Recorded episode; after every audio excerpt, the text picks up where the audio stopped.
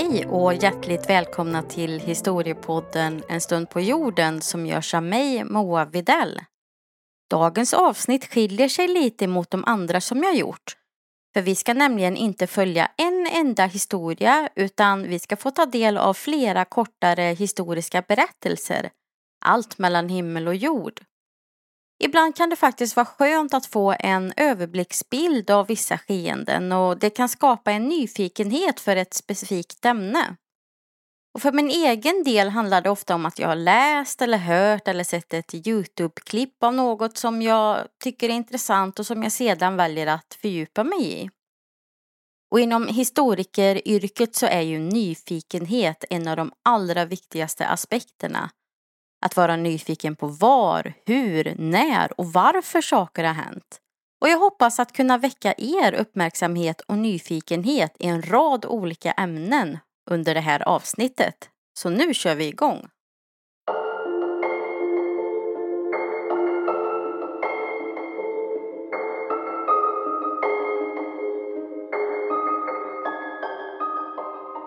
Vem var Nils Bohr? Nils Bohr var en fysiker som föddes i Danmark och levde mellan 1885 och 1962. Bohr är känd för sin forskning inom kvantfysiken och kärnfysik. År 1927 utformade Bohr komplementaritetsprincipen som behandlar kvantfysiska fenomen genom att förklara att det kan vara två saker samtidigt. I en atom så måste hastighet och läge existera och det ena utesluter inte det andra. Vetenskapen blev föränderlig. Den här principen påverkade inte bara vetenskapen utan man kunde också se hur den påverkade idéhistoriskt tänkande då hans teorier motsatte sig den tidigare deterministiska och mekaniska synen på världen. Tid och rum förändrades och i princip hela världsbilden genom ett paradigmskifte. Dessa idéer avspeglade sig i områden som konst och filosofi. Kubister inspirerades och försökte måla tavlor där tid och rum upplöstes. Impressionisterna inspirerades av att måla serier som visade på växlingar av till exempel tid. För sitt epokgörande arbete tilldelades Nils Bohr Nobelpriset i fysik 1922. Nils Bohr och hans forskningsinstitut i Köpenhamn kom under decennier att bli en samlingspunkt för tidens främsta atomfysiker.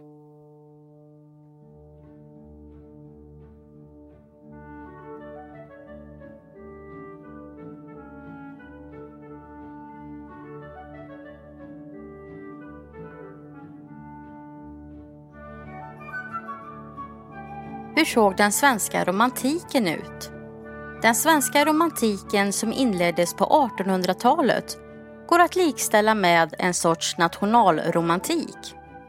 Det var en epok influerad av en reaktion mot upplysningen där rationalism och förnuft var ledorden. Nu vill man mer gå efter känslan. Svensk romantik uttrycktes bland annat i olika sällskap som Götiska förbundet där man värnade om svenska traditioner samt förskönade dess ideal. Vi har väl alla hört om hjälmarna som vikingarna hade som det egentligen inte var några horn på. Men romantiken syntes också inom poesin och litteraturen, till exempel via Tegnér och Fröding där man ofta gestaltade landskap. I konsten av bland annat Andersson och Carl Larsson där man målade den svenska naturen med inslag av den lokala befolkningen, gärna i traditionsenliga kläder och där man var intresserad av att skapa en genuin bild av Sverige där tradition, känsla, historia och vardag fick bli det betydande i konsten. En av de mest gedigna uttrycken för svensk romantik var uppförandet av friluftsmuseet Skansen. Här samlades byggnader, djur och människor som skulle visa på det enkla livet som vi svenskar skulle ha levt och man idealiserade det. En romantisk bild av vår historia växte fram. Och bondesamhället, det fick representera det enkla och vackra i livet. Och den bild som många svenskar har idag om det genuina historiska Sverige grundar sig faktiskt i den här tidsepoken. Bilden är dock mycket förskönad och på många sätt faktiskt felaktig. 1800-talet och början av 1900-talet var en slitande tid för många människor där rykande industrier och trångbodda städer blev en allt vanligare verklighet och flera sjukdomar spred sig snabbt. Och det här var verkligen så långt ifrån det fridfulla bondesamhället som man kunde tänka sig.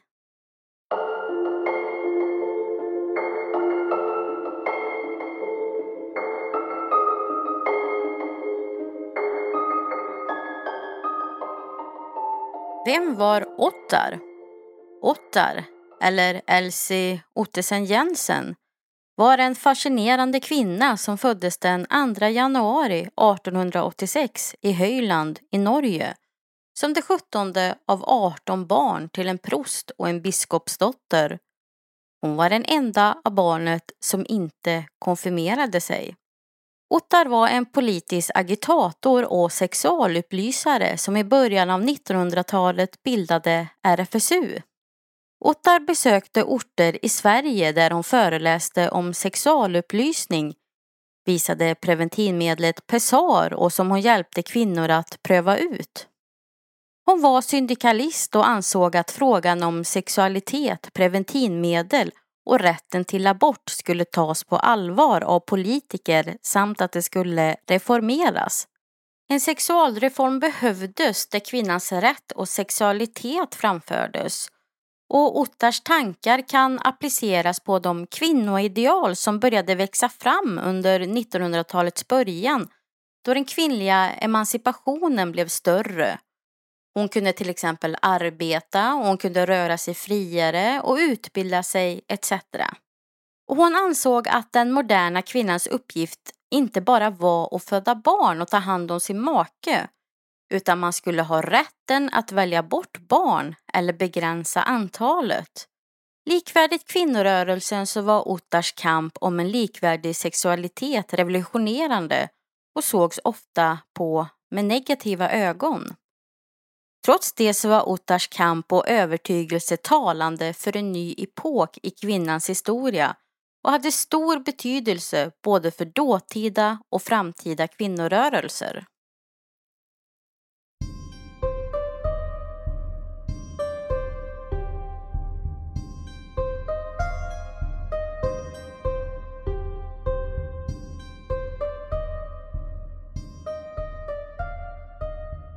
Vad var hellenismen för något?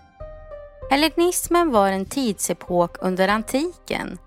Den inleddes med Alexander den stores död 323 före vår tideräkning då det grekiska riket och flera områden i Mellanöstern genomgått stora förändringar vilket lett till att den grekiska kulturen spridits.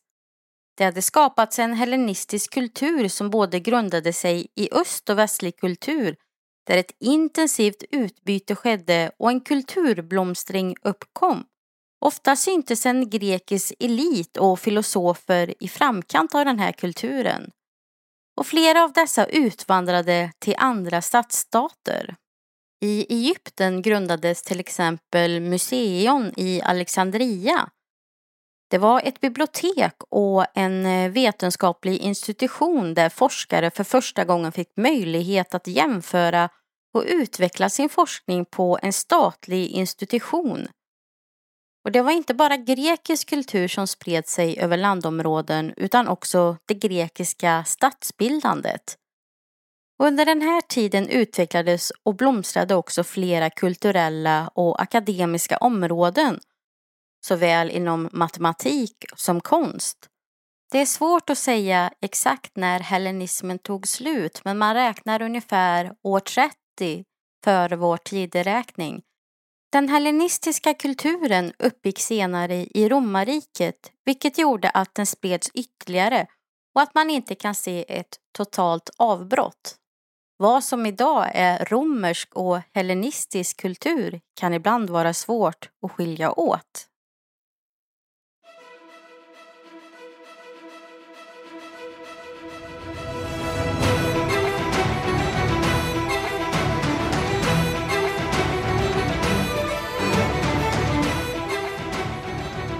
Vad var den höviska kulturen?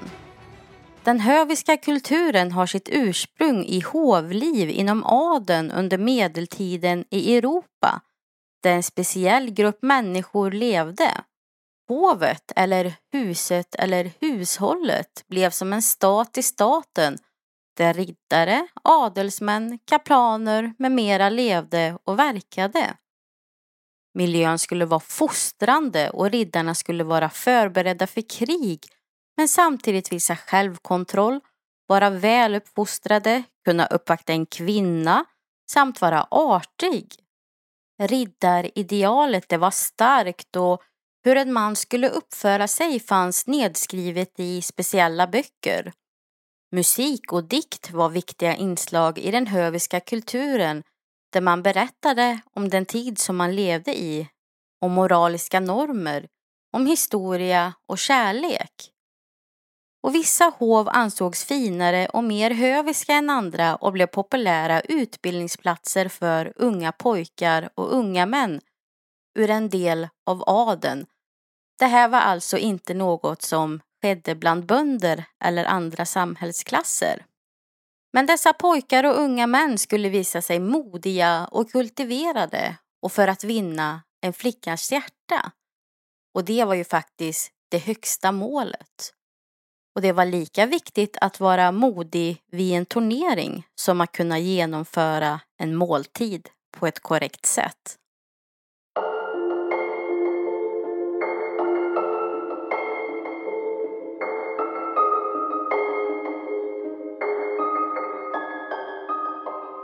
Vad var skolastiken? Skolastiken grundar sig i en religions och filosofisk idé och tankelära som uppstod i klosterskolorna under medeltiden. Med religionen ständigt i bakhuvudet tolkade, analyserade och ifrågasatte man texter för att finna motsägelser med lärarnas hjälp. Och debatten var själva undervisningsformen det var viktigt att kunna pröva sina tankar utifrån en egen analytisk metod som man tillgodosett sig via filosofisk medvetenhet och lärdom. Viktiga ämnen var dialekten och grammatiken, alltså latin, som hjälpte studenten i deras analysarbete. Likaså hade retoriken en viktig plats då man på rätt och effektivt sätt skulle kunna presentera sina argument. Aristoteles verk var ofta viktigt undervisningsmaterial men flera romerska författare som till exempel Cicero lästes. Mycket handlade om att finna logiska och rationella argument för kristendomen. Och trots att det skedde debatter och diskussioner så ledde alla till en och samma slutsats. Att den värld som kyrkan och bibeln presenterade var den enda sanna. Idag kan vi se spår av skolastiken till exempel när en doktorsavhandling disputeras där man måste kunna argumentera, försvara och debattera sin text.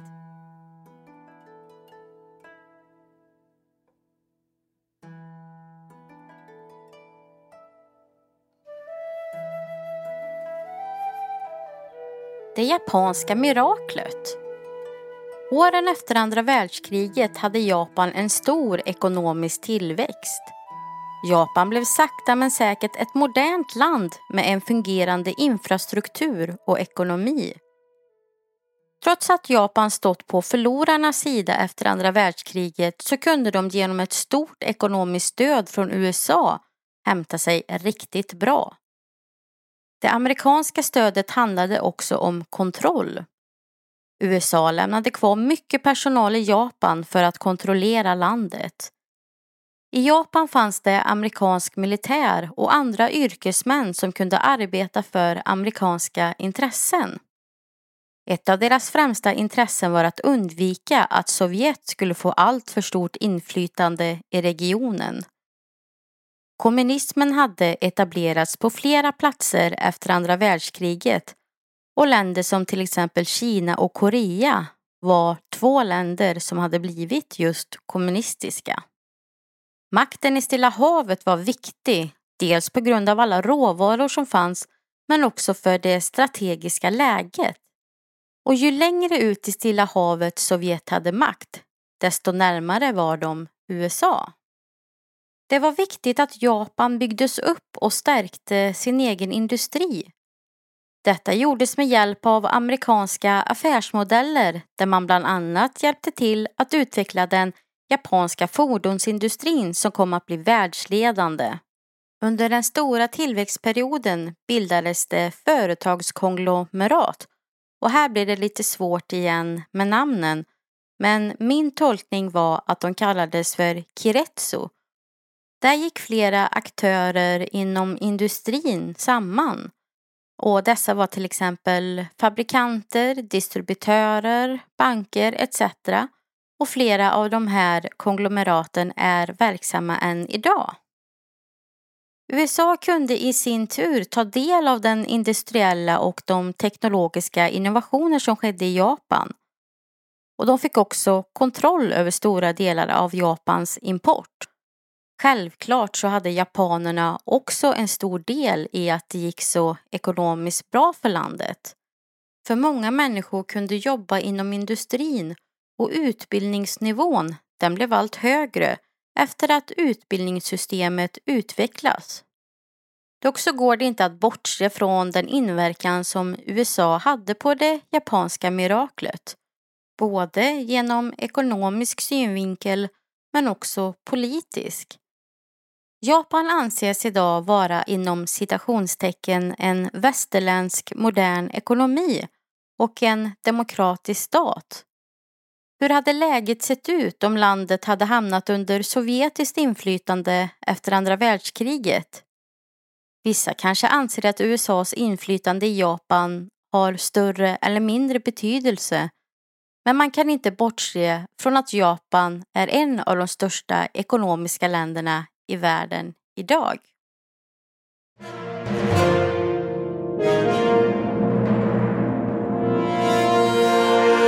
Vet du faktiskt en sak? Halloween special. Historiker uppskattar att uppkomsten av halloween och det första firandet går tillbaka cirka 4000 år före Kristus vilket betyder att traditionen pågått i cirka 6000 år under olika former. I Sverige börjar man dock inte fira halloween förrän någon gång på 50-talet. Däremot så har man firat alla helgons dag och alla själars dag sedan den 1 november år 1198. Halloweens ursprung anses gå tillbaka till kelterna och festivalen Samhain som firades på Irland och i Skottland. Och även om dagens halloweenfirande har blivit amerikaniserat och kommersiellt så dröjde det långt innan halloween kom till Amerika. Halloweens ankomst till USA anses vara alla de immigranter som kom dit på 1800-talet. Förr i tiden så brände man både grödor och ben från djur i stora eldar som offer till gudarna. Stora brinnande bål ansågs också ha kraften att hålla borta onda andar samtidigt som att eldarna var ett sätt för att guida goda andar. Halloweenfirande idag inkluderar sällan stora eldar men det är vanligt att man tänder upp ljus och brinnande marschaller. New York har den största halloweenparaden i världen. Fler än 50 000 personer går i den årliga halloweenparaden i New York. Det är ett populärt event som lockar fler än två miljoner besökare. Tack för att ni har lyssnat på dagens avsnitt och jag hoppas att vi hörs snart igen.